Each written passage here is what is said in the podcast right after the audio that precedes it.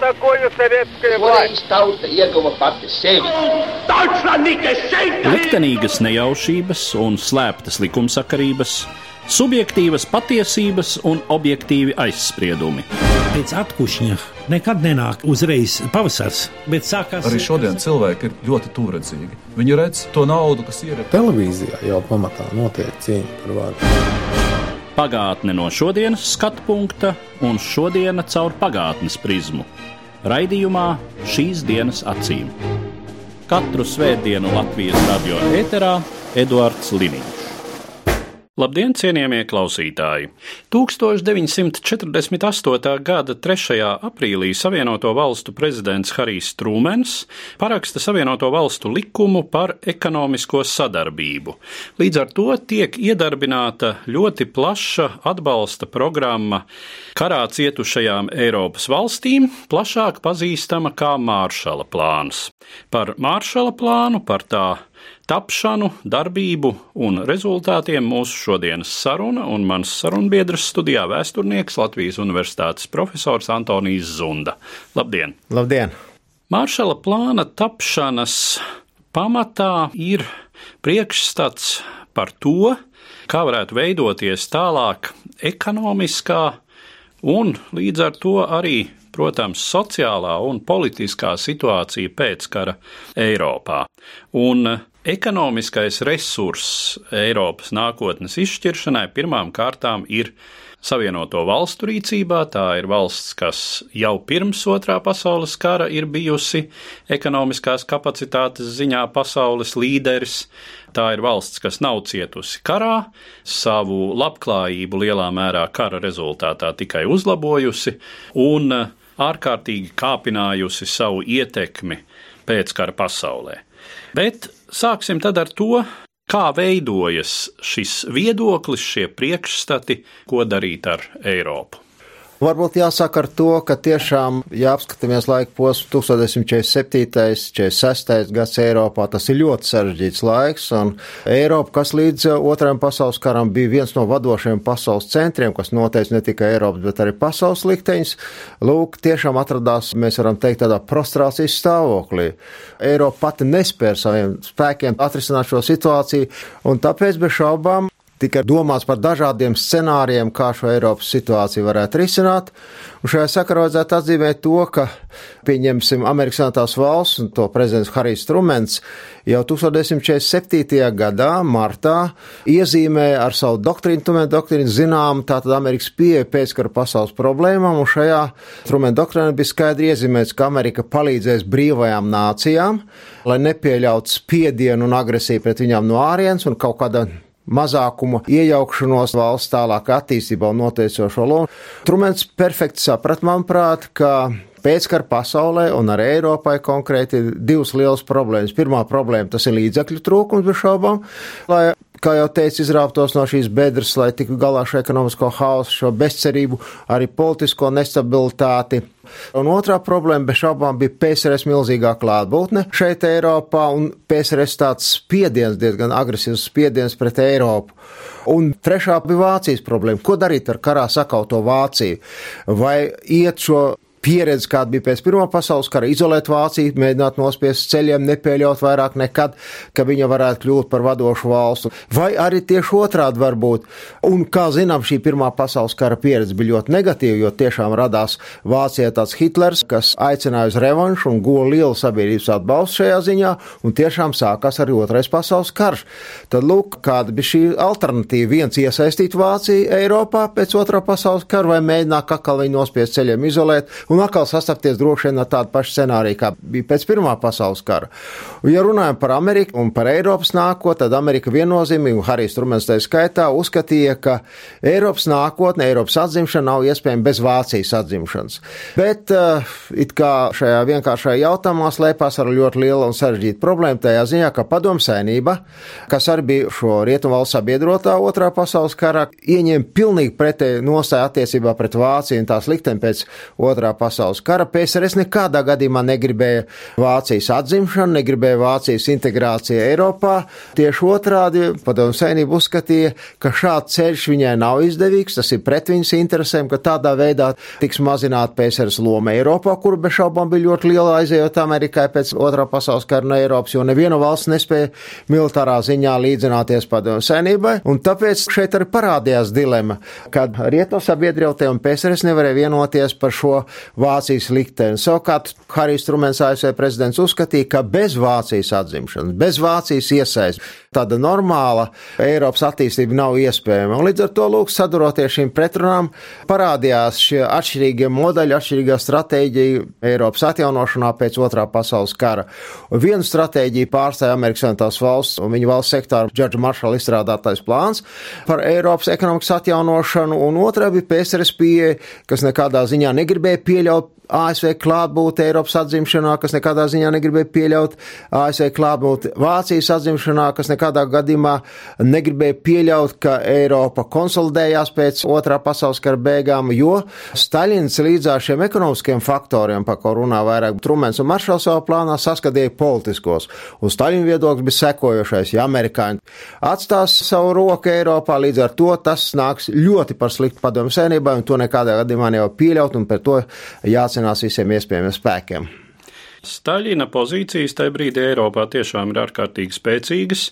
Eiropas austrumu daļu, vēlāko Varšavas līguma teritoriju kontrolē sarkanā armija, un uh, tur ar niansēm katrā valstī, bet tā vai citādi tiek gatavoti sovietizācijas procesi, propadomisku perspektīvā, sociālistiskās orientācijas partija nākšana pie varas, un arī demokrātiskajās Eiropas valstīs Padomju Savienības ietekme caur turienes kompartijām ir ārkārtīgi spēcīga. Itālijā ir ļoti spēcīga kompartija, Francijā ir ļoti spēcīga kompartija, Grieķijā kompartija mēģina ar bruņotu spēku cīnīties par varu. Faktiski tur notiek tobrīd pilsoņu karš. Nevis par varu cīnīties, bet sagrāt varu bruņotās sacelšanās veidā un nostumjot malā likumīgo valdību, kāda bija Grieķijā. Viens no tādiem Staļina resursiem, tā ir, protams, sociālā neapmierinātība. Ko Trumens ļoti precīzi saskata, ka tas ir faktors, kas primāri ir jānovērš. Kāda ir tā Māršala plāna stratēģija? Ko tas paredz, kā notiek šī domājumā līdzekļu iepludināšana Eiropas ekonomikās?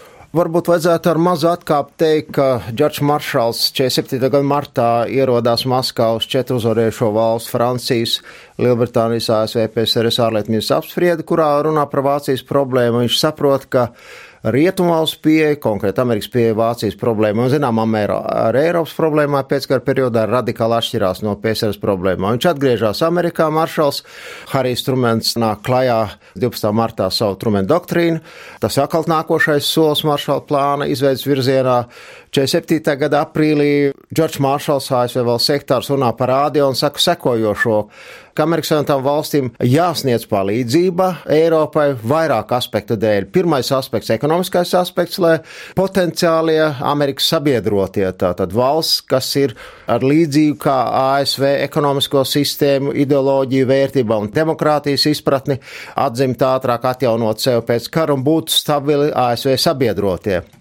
Otrais, viņš saka, ka mums jāpievērš uzmanība tam, kas notiek sociāli politiskā ziņā Eiropā, tātad mūsu potenciālo sabiedroto nometnē. Un viņš runā par to, ko jūs teicāt, ka Amerika ļoti satrauc, un tā bija liela fobija Amerikas sabiedrībā pēckara perioda sākumā, ne vēl parādījās tur tāds makartisms par to, ka daudzās vadošās un lielās Rietumē Eiropas valstīs, konkrēti Itālijā, ir izveidojusies masu komunistiskā partija ar diviem miljoniem biedru, un šī partija pārstāvēta parlamentā un arī valdībā arī Francijā ir maskomuniskā partija, apmēram 900 tūkstoši biedru, un arī šeit franču komunisti valdībā.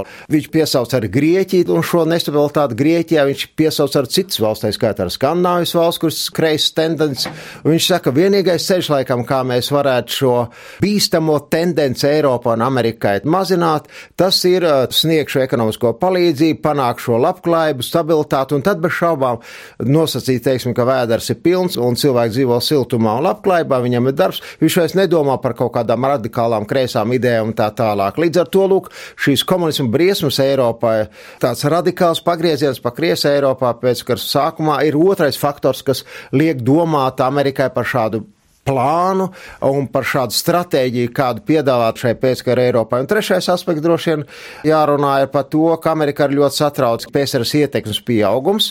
Ģeopolitiski viņi redzēja sekojošo, kur ir sarkana armija, tur tiek veidot Kremlim pakļāvīga režīma, tātad, kā jūs teicāt, perspektīva ar sovietizāciju, kaut arī pašā pēckara posma sākumā gan Polijā, gan Čehslovākijā bija pat nekomunistu valdībā. Bet, teiksim, tā vairāk bija tāda PSRS stratēģija, lai iemidzinātu sabiedrību, ka, lūk, šeit ne nekas tāds radikāls nav mainījies. Apsverot to visu, ņemot kopā, mēs varam atzīmēt to, ka šim maršala plānam vai European Recovery Program, kā viņi sauc angļu valodā, Eiropas ekonomiskās atzimšanas programmai, bija vairāk aspektu. Tur bija šis ekonomiskais aspekts, bija šāvā priekšplānā, tur bija politiskais aspekts un tur bija šis sociālais aspekts un noteikti jāzīmē arī šis drošības aspekts. Amerika uzskatīja, ka stabila, augoša, plaukstoša rietuma Eiropa būs arī stabila viņas sabiedrotā, un līdz ar to būs stabila šī aizsardzības līnija pret komunismu, par kura izplatību Trumens tik ļoti satraucās, un nevelti viņš sāka realizēt, viņu valdība tā saucamo containment policy, tad komunismu apvaldīšanas politiku. Bez Džordža Māršala valsts sektāra kas relatīvi nesen bija kļuvusi par valsts sektāru, tikai 1947. gada 21. janvārī ļoti liela loma šīs maršala plāna idejas virzībai ir arī Džordžam Kenanam, mums pazīstamam, un arī Vilam Kleitonam, kas bija valsts sekretāra vietnieks. Tieši pēc Maršala institīvas jau 1947. gada aprīlī valsts departamentā tiek izveidota darba grupa, kam lūk jāsāk izstrādāt šīs detaļas attiecībā par šo Maršala plānu atbalsta programmu Rietumē Eiropā. Es gribētu varbūt pateikt, kāda bija Rietumē Eiropiešu reakcija. Lielbritānijas ārlietu ministrs Bevins, noklausoties Trumena runu 1947. gada 12. martā kongresā, noklausoties Maršala uzrunu 47. gada 5. jūnijā Harvardas universitātē, teica sekojošo. Mēs jau par to ilgi lūdzām Dievu, lai šāds lēmums nāktu, tātad, lai Amerika nāktu palīgā Eiropai, lai Eiropa varētu izrāpties no bedres šī haosa, lai sāktu stabilitāti un ekonomisku atzimšanu. Līdzekļi, kurus Savienotās valstis piešķir, ir diezgan ievērojami. Tā laika vienībās tie ir apmēram 13 miljārdi dolāru, kas nonāk Eiropā laikā no 48. līdz 52. gadam. Salīdzinot mūsu laiku cenās, tas skaitlis tuvojas jau apmēram 200 miljārdiem. Un eh, bez tām Amerika ir sniegusi arī palīdzību pirms maršala plāna. Bez šaubām. Eiropai. Kādi ir šo līdzekļu piešķiršanas virzieni, nosacījumi? Amerikā ļoti tādu korektu demokrātisku ceļu. Viņa lūdza Rietumēropas valsts pašu organizēt konferenci, kurā sagatavot tās saucamās iepirkšanās listas, ko Eiropai vajag, jo Amerika jau nepārzina šo situāciju labi kā pašas šīs valsts. Un tiešām 1947. gada jūnija beigās Parīzē arī sanāk šāda Rietumē Eiropas valstu konference, kurā spriež, ko vajag, cik daudz vajag apmēram un kādās formā šos līdzekļus varētu izmantot. Un tiešām šeit arī parādās tāds skaitlis kā 17 miljardi dolāru, kas būtu nepieciešams 4-5 gadu laikā. Parādās arī idejas par to, kā šī palīdzība varētu tikt realizēta. No ASV puses bija prasība sagatavot šīs iepirkšanās listas šo projektu, kā un kam vajadzīga šī palīdzība konkrētam nozarēm. Otrais, ko ASV izvirzīja, un tā bija tāda strikta prasība, ka Amerika piešķir šos līdzekļus tādā gadījumā, ja visas Rietumēropas valsts kopā sadarbosies un izveidos kaut kādu vienotu politisku centru, kurā apspriedīs, kā racionālāk izmantot šos piešķirtos līdzekļus, un līdz ar to Amerika virzīja ar šo maršalu plānu Eiropas valsts uz ciešu sadarbību, uz integrāciju, skaļā vārdā runājot, un tiešām, kad tika pieņemts lēmums par maršala plāna palīdzību. Dažas nedēļas vēlāk, konkrēti 1948. gada 16. un 17. aprīlī, tiek pieņemts lēmums izveidot Eiropas ekonomiskās sadarbības organizāciju, kurā ietilpst visas 16 valsts, kas saņem šo palīdzību maršala plāna ietvaros. Bet vēl runājot par līdzekļiem, nu, tas tā hrestomātiski aizgājis mācību grāmatās šie 13,7 miljardi, bet ir arī citi skaitļi, un tos vajadzētu atcerēties, jo paralēli maršala plānam plānam šajā pašā laikā Amerika sniedza Eiropai palīdz apmēram 9 miljardu apjomā. Tie bija dažādi kredītlīgumi, aizdevumi un tā tālāk konkrētiem projektiem, kas bija plus klāčiem 13,7 miljardiem. Vēl bija arī tādi divpusēji aizņēmumi kādai konkrētai valstīm, kam vajadzēja risināt kādu aktuālu jautājumu. Tie bija apmēram 500 miljonu dolāru apjomā. Tā kā teikt, ka tas ir tikai 13,7, tas nebūs korekti un precīzi, bet runājot par maršalu plānu bez šaubām, bet kopumā risinot šo problēmu, tas skaitlis daudz lielāks. Runājot vēl varbūt par šo maršalu plānu, kā un kam un tā tālāk, vajadzētu atzīmēt, ka Amerika sprieda sekojošo, ka nevar ar šo maršalu plānu uzspiest ilglaicīgas, smagas finansiālas saistības Eiropai, tad viņi neizrāpsies no šīs bedres. Un ir izrēķināts, ka apmēram tikai 20% tika piešķirt kā aizdevums no šiem maršala plāna līdzekļiem, bet pārējie bija kā bez atlīdzības kredīti vai kā palīdzība konkrētās problēmas risināšanai. Šeit mēs varētu uzreiz sastapties ar jautājumu, kāpēc Amerika uzvedās tik altruistiski, dodot līdzekļus Eiropas atzīšanai, jo nebija Amerikā arī viennozīmīgi šis jautājums politiskajās aprindās par šādu Bezatlīdzības milzīga palīdzība Eiropai. Amerikas eh, atsevišķi uzņēmēji, biznesmeņi teica sekojušo atzīmes Eiropu, tā būs konkurenta Amerikai. Ar tāds viedoklis bija, bet bez šaubām Harijs Trumens, viņa administrācija teica, mēs no šī plāna iegūsim ne tikai politiski, ne tikai strateģiski, bet mēs iegūsim arī ekonomiski, jo bez šaubām iekārtas, izēvielas un tā tālāk, viss, kas vajadzīgs, lai Eiropas lauksainiecība, rūpniecība, transports atzimtu, plāna nosacījumi bija sekojuši jāiegādājas Amerikas Savienotās valstīs. Un tur mēs teicu to kongresā, kad vajadzēja šo plānu apstiprināt, tas būs darbs, tas būs liels tirgus, tas būs pamats straujam uzrāvienam ar Amerikas ekonomikai. Šī Eiropas integrācijas stratēģija lielā mērā izskaidro arī to, ka palīdzību Maršala plāna ietvaros saņem ne tikai tās valstis, kas ir tieši bijušas iesaistītas Otrajā pasaules karā, līdz ar to cietušas, bet arī vairākas neitrālās valstis kuru ekonomikas arī prasa uzlabojumus, modernāku pārvaldes modeļu ieviešanai, tehnoloģijām un tā tālāk. Proti, Palīdzību saņem Zviedrija, palīdzību saņem Šveice, Turcija. Protams, Jautājums ir par Austrumēropas valstīm, kurām arī teorētiski sākotnēji šī palīdzība tiek piedāvāta. O, tas ir ļoti interesants stāsts. Bez šaubām Austrumēropai, tāpat kā Rietumēropai, bija nepieciešama līdzekļi, lai atzimtu pēc kara postījumiem viennozīmīgi tie viņiem bija vajadzīgi. Un tiešām Harijs Trumens un arī Maršals savās uzrunās, konkrēti Maršals 47. gada 5. jūnijā, kad runāja Harvardā, kas it kā oficiāli pieteica šo maršalu plānu, nevārdu nerunāja par Rietumu Eiropu. Viņš teica, ka mēs esam gatavi ieguldīt līdzekļus, atbalstīt Eiropas atzimšanai. Un viennozīmīgi tas attiecās gan uz Austrumu Eiropu, gan uz Rietumu Eiropu, attiecās arī uz padomu saimnību tā skaitā. Kad 47. gada jūnija beigās sanāca šī sagatavošanas konferences, konferences. Tajā tiešām piedalījās PSRS un piedalījās arī atsevišķi Austrum Eiropas valsts. Padomu saimnībā tā laikā notika diskusija valdībā. Konkrēti tāds Jevgeņijs Varga, vadošais tā laika PSRS ekonomists, nāca priekšlikumu, ka karā cietusī PSRS ekonomika, tai arī, lai viņa atzimtu nepieciešami līdzekļi, bez kā šī PSRS atzimšana un atjaunošana ekonomikas varētu ilgi, ilgi un līdz ar to PSRS zaudētu rietumiem. Līdzīgi viedokli pauda arī Molotovs, kas teica, ka vajadzētu turpināt varbūt lendlīzi, kā tas bija kara laika arī pēc kara, un kā Amerika varētu uz tādiem pašiem nosacījumiem piešķirt kādus 6 miljardus dolāru, tādas bija sarunas. Bet Staļins laikam bija tas, kas saskatīja šajā aspektā ne tikai šo finansiālo, ekonomisko, sociālo pusi, bet arī politisko. Un Staļins teica skarbi sekojošo, ja amerikāņi ieliks savu pirkstu, kā viņš teica, PSRS ekonomikā, tad no turienes mēs viņus vairs nedabūsim ārā, un tas būs sociālismu sistēmas un padomju saimnības ideoloģijas bankrots, un to mēs nevaram atļauties.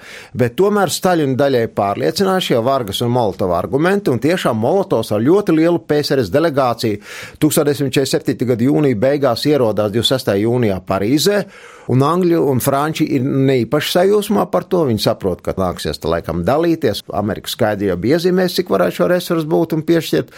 Bet kā ar atvieglojumu konstatēja jūlijas sākumā Angļu un Franči, 3. jūlijā Molotovs pamet šo konferenci, jo šis maršala plāns attīstās tādā virzienā, kā tu ieceries amerikanais PSRS, un maršala plāns paredz Vācijas atjaunošanu, Vācijas integrāciju, maršala plāns paredz ekonomikas atzimšanu ātru, stabilitāti, un līdz ar to maršala plāns arī paredz palīdzību Austrum Eiropas valstīm, un tas bez šaubām nozīmē PSRS uzvaras, kā Staļins teica, apstrīdēšanu, PSRS statusa vājināšanu, uz to PSRS stratēģis nevar parakstīties. Ļoti interesanti ir Austrum Eiropas valsts reakcija, ka Čehoslovākija pieteica savu dalību šajā konferencē, un tajā laikā valdības vadītāji bija Klemens Gotvalds, komunists, bet ārlietu ministrs bija Jans Masāriks, kas nepārstāvēja komunistus, jo šī bija tāda varavīgas valdība. Staļinam bija šāda stratēģija, ka pakāpeniski veik šo valstu sovietizāciju, ka Čehoslovākija negrib atteikties pēc 3. jūlija demaršu Molotovam. 11. jūlijā Gotvalds un Masāriks tiek izsaukt uz Maskavu nolikt pie vietas. 11. jūlijā vakarā viņi atgriežas Prāgā, sasauc valdības sēdi Gotvalds un atsauc Čehoslovākijas dalību. Un ļoti interesants ir Masārika atmiņas, ka viņš sarunās ar draugiem pēc šī valdības lēmuma, teica sekojuši, atbrauc no Maskavas, es jutos nevis kā brīvs valsts ārlietmis, bet kā pēsaris vergs. Ko pasaka, to tev arī jādara. Vēl interesantāk epizode ir ar Somiju, kas arī bija piešaubām pieteikusies šai maršala plāna līdzdalībai, bet kurai bija uzspies, kā mēs zinām, šis draudzības savstarpējās palīdzības līgums no PSRS puses, un Somijas valdība, kas man likās ļoti interesanti, vismaz es tās lasīju darbos atsevišķos, par savu atteikšanos no dalības maršala plānā uzvar no Maskavas rādio, kas bez šābām valdībai Somijas bija zināms pārsteigums. Līdz ar to mēs varam teikt, ka ne jau Amerikas vai Džordža Maršala vainas dēļ vai Trumena vainas dēļ Austrum Eiropa neiekļāvās šajā maršala plānā, bet tas bija strikts PSRS valdības lēmums, uzskatot, ka šī palīdzība šaubām mazinās viņas ietekmi, vājinās viņas pozīcijas strateģiskās, ka tādējādi Austrumēropa var aizslīdēt no šī Maskavas vasaļa statusa un kļūt neatkarīgāk, un tas lūk arī izšķīra šo Austrum Eiropas valstu jautājumu, vai būt vai nebūt viņām šajā maršala plānā. Bet jautājums nebija tik vienkāršs. 48. gadā un 49. gadā tīpaši sāsinās Dienaslāvijas līdera Tito attiecības ar Staļinu, un tad rietumi to pamana. Ne maršala plāna ietvaros, bet citu projektu ietvaros Dienaslāvija saņem diezgan būtisku finansiālu palīdzību šajā pēckara attīstībā.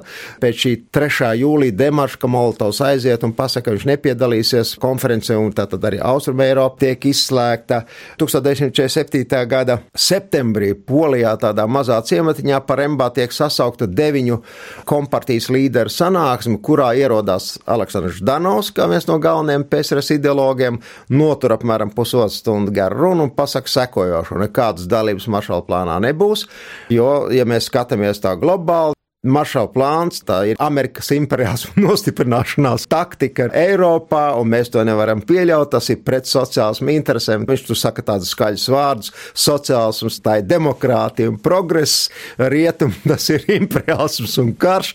Nu, un līdz ar to, ja kāds tur kaut ko gribēja pīkstēt, itāļi vai franči teikt, ka valstī tiešām līdzekļi nav, un kā tad mēs atjaunosim šo valsti, tad nekā šeit diskusijas netiek pieļauts. Šo kompartijas vadītāja sanāksme tiek izveidots komiskais informācijas informācijas birojs, kas eh, nomaina it kā komentāru, ko bija lolojis Eļņins. Jā, un tāds spilgts un arī mūsdienās zīmīgs moments, ka tad, kad Francijas un Itālijas kompartija vadītāji izvirza šos argumentus un uzdod jautājumus, bet kā tad mēs mūsu sabiedrībai varam izskaidrot. Pamatot. Tad viņiem saka, ir jāpamato ar jūsu valstu ekonomiskās suverenitātes motīvu. jā, tā ir interesanta detaļa. Jā. Ko Maskava piedāvā vietā Austrumēropas valstīm, jo tas ir ar rīksti vien tomēr ir riskanti. Jā, Maskava, tā kā viņai šādu līdzekļu nebija, viņa nevarēja piedāvāt 13 vai 10 miljardus dolāru Austrumēropas valstīm, tātad Maskava teica sekojušot. Mēs jums piedāvājam brīvāk pieeja padomjas tirgu, samazinot muitu tarifus nākošais. PSRS piedāvāja izēvielas par ļoti izdevīgām cenām, tā skaitā Somijai konkrēti naftas produktus un arī citām valstīm. Piedāvāja sākt koordinēt veidot kaut kādu organizāciju ar Austrumēropas valstīm kopā, kur varētu pēc rietuma analoga integrētā sadarbības veidā risināt aktuālākās problēmas - transports, tirgus, energoresursi un tā tālāk. Tas bez šaubām nebija tas, ko piedāvāja Amerika, bet tā kā PSRS turēja tādā dzelženā dūrē savus satelītus, viņi bija pateicīgi arī par to vismaz, ka šādas iespējas ir un bez šaubām šis lielais PSRS tirgus, izdevīgās cenas šai produkcijai, muitas tarifu samazināšana, energoresursu piegāde ne par pasaules cenām, bet par zemākām. Tas viss tādā vai citādā veidā stimulē arī Austrumēropas valsts ekonomikas atjaunošanu un stabilitāti. Ja mēs novērtējam maršala plāna rezultātus, cik lielā mērā mēs varam maršala plānam pateikties par to, ko mēs vērojam Rietumē Eiropas ekonomikā 50. gados, tātad šos, kā mēs to mēdzam saukt, ekonomikas brīnumus, sevišķi karā sagrautajā Vācijā, arī sakautajā Itālijā. Par rezultātiem tas ir ļoti interesants jautājums. Varbūt varētu ar tādu konkrētu piemēru. Itālija, kā jūs teicāt, kas bija, kas karoja pret sabiedrotiem, kur bija Musolīni fašistiskais režīms, izdomāja, ka šo ekonomiku varētu attīstīt, veidojot tādas attīstības saliņas, veidojot uzņēmumus atsevišķos Itālijas reģionos, uz kuru uzplaukumu bāzi varētu bezdarbu mazināt un panākt šeit kaut kādu stabilitāti. Un konkrēti Itālija nāca ar domu sākt tautai populāru automobīļu ražošanu lētu pieejamu, tiek uzcelta Fiat rūpnīca par šiem maršala plāna līdzekļiem. Ja mēs skatāmies, kā jūs sakat, šos Itālijas ekonomiskā brīnuma gadus, 50. un 60. gadus, tad viens no ekonomiskā brīnuma piemēriem, ko Itālija tradicionāli piesauc, ir ne tikai tur leduskapi, putekļu sulcēju rakstām mašīnas un citas atzīves pakalpojumu preces, bet arī Fiat automobīļu rūpnīca, ar ko viņi lepojas. Vēl viens konkrēts piemērs.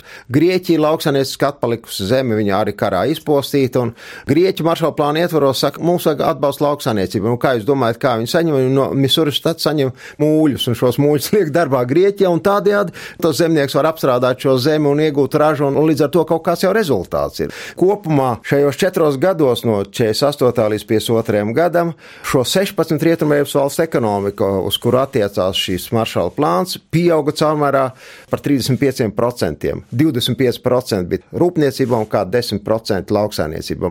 Nākošais, ko varētu atzīmēt, ka tiešām šis maršala plāns un straujā ražošanas apjoma pieaugums gan rūpniecībā, gan lauksainiecībā, gan transportā, gan arī citās nozarēs deva stabilitāte Eiropai. Un līdz ar to 50. gadu sākumā kreisās idejas Eiropā vairāk nebija populāras. Tātad sākās tāda atplūda attiecībā uz komunistu un sociālisko partiju piedāvātām programmām šajās valstīs. Tātad viņi sāk zaudēt vēlēšanās, viņi nav pārstāvēti valdībās. Nākošais.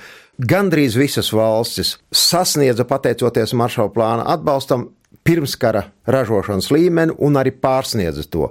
Es domāju, četri gadi un šādi rezultāti tas vairāk nekā ietekmīgi. Nākošais rezultāts, pateicoties maršala plānam, tiešām sāka veidoties Pēckara periodā Rietumē Eiropā moderna, mūsdienīga ekonomiskā politika, kuras ideja bija nevis uz izolāciju, nevis uz separāciju, bet tieši otrādi - uz integrāciju, uz kopēju tirgu, uz brīvu kopēju tirgu, uz ciešu sadarbību. Mēs varam teikt, ka, ja skatāmies pat tādu jautājumu kā integrācija un Eiropas saimnība, tad pateicoties maršala plānam, nosacīti tiek radīti pamati Eiropas saimnības izveidē, kas arī sākās 50. gadu sākumā, tad ir vēl maršala plāna laikā Rietumē Eiropā izveidot Eiropas ogļu tērauda kopienu. Ražošanas apjoms, kas bija vērojams, viņa pieaugums Rietumēropas valstīs, bez šaubām bija saistīts arī ar sociālās situācijas uzlabošanos. Pieauga darba algas, sociālais nodrošinājums, cilvēki atgūta ticību un cerību, ka Eiropā ir rītdiena.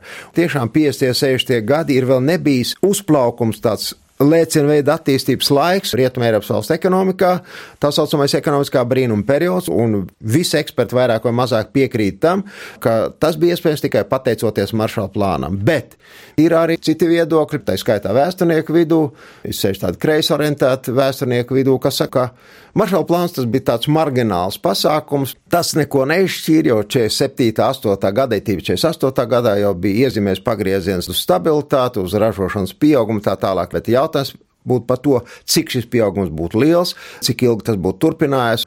Ideja par to, ka šis maršala plāns nebūtu nav bijis izšķiros arī, bet tas tikai tiešām dažu vēsturnieku darbos.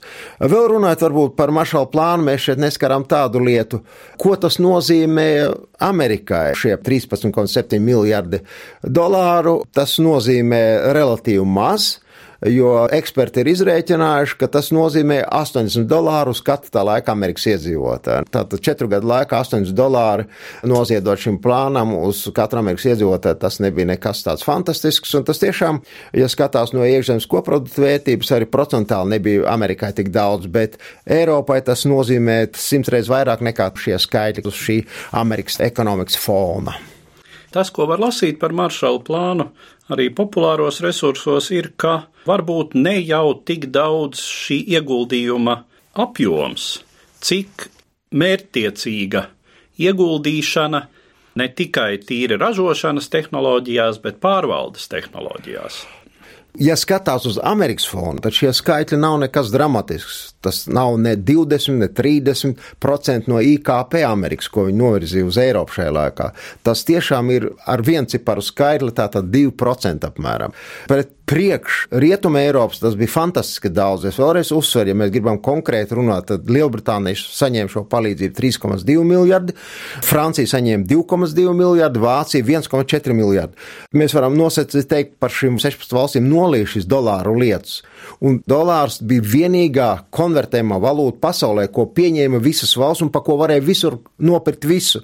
Par liru nevarēja nopirkt gandrīz neko, jo viņa nebija konvertējama. Par franku ar tāpat bija. Varbūt vēl par mārciņu brīt kaut ko varēja nopirkt, bet par pārējām valūtām viņas nebija konvertējamas, un līdz ar to šī palīdzība tā bija vairāk nekā būtiska. Bet uh, es piekrītu tajā ziņā, ka Amerikas Savienotās valsts uzskatīja, ka līdzās ekonomiskam atbalstam, līdzās ekonomikas atjaunošanai viennozīmīgi jāveido arī moderns pārvaldes aparāts, ka maršala plānam jāstimulē privātā un valsts partnerība, jāveido brīvas institūcijas, tas ir jāsamazina valsts iejaukšanās, jo ja būs konkurence, ja būs brīva pārvalde, neatkarīga no kaut kādiem subjektiem faktoriem, no partijām, kas ir valdībā. Līdz ar to ražošana efektivizēsies un arī tas dos valstī konkrēti labu. Tādā ziņā es jums piekrītu. Jā. Ar to mēs arī varētu noslēgt mūsu šodienas sarunu, kas bija veltīta Māršala plānam, kopš kura iedarbināšanas Rietumē Eiropā paiet 70 gadi, un es saku paldies manam sarunbiedram, vēsturniekam Latvijas Universitātes profesoram Antonijam Zundam. Katru svētdienu Latvijas radio viens par pagātni sarunājas Eduards Līniju.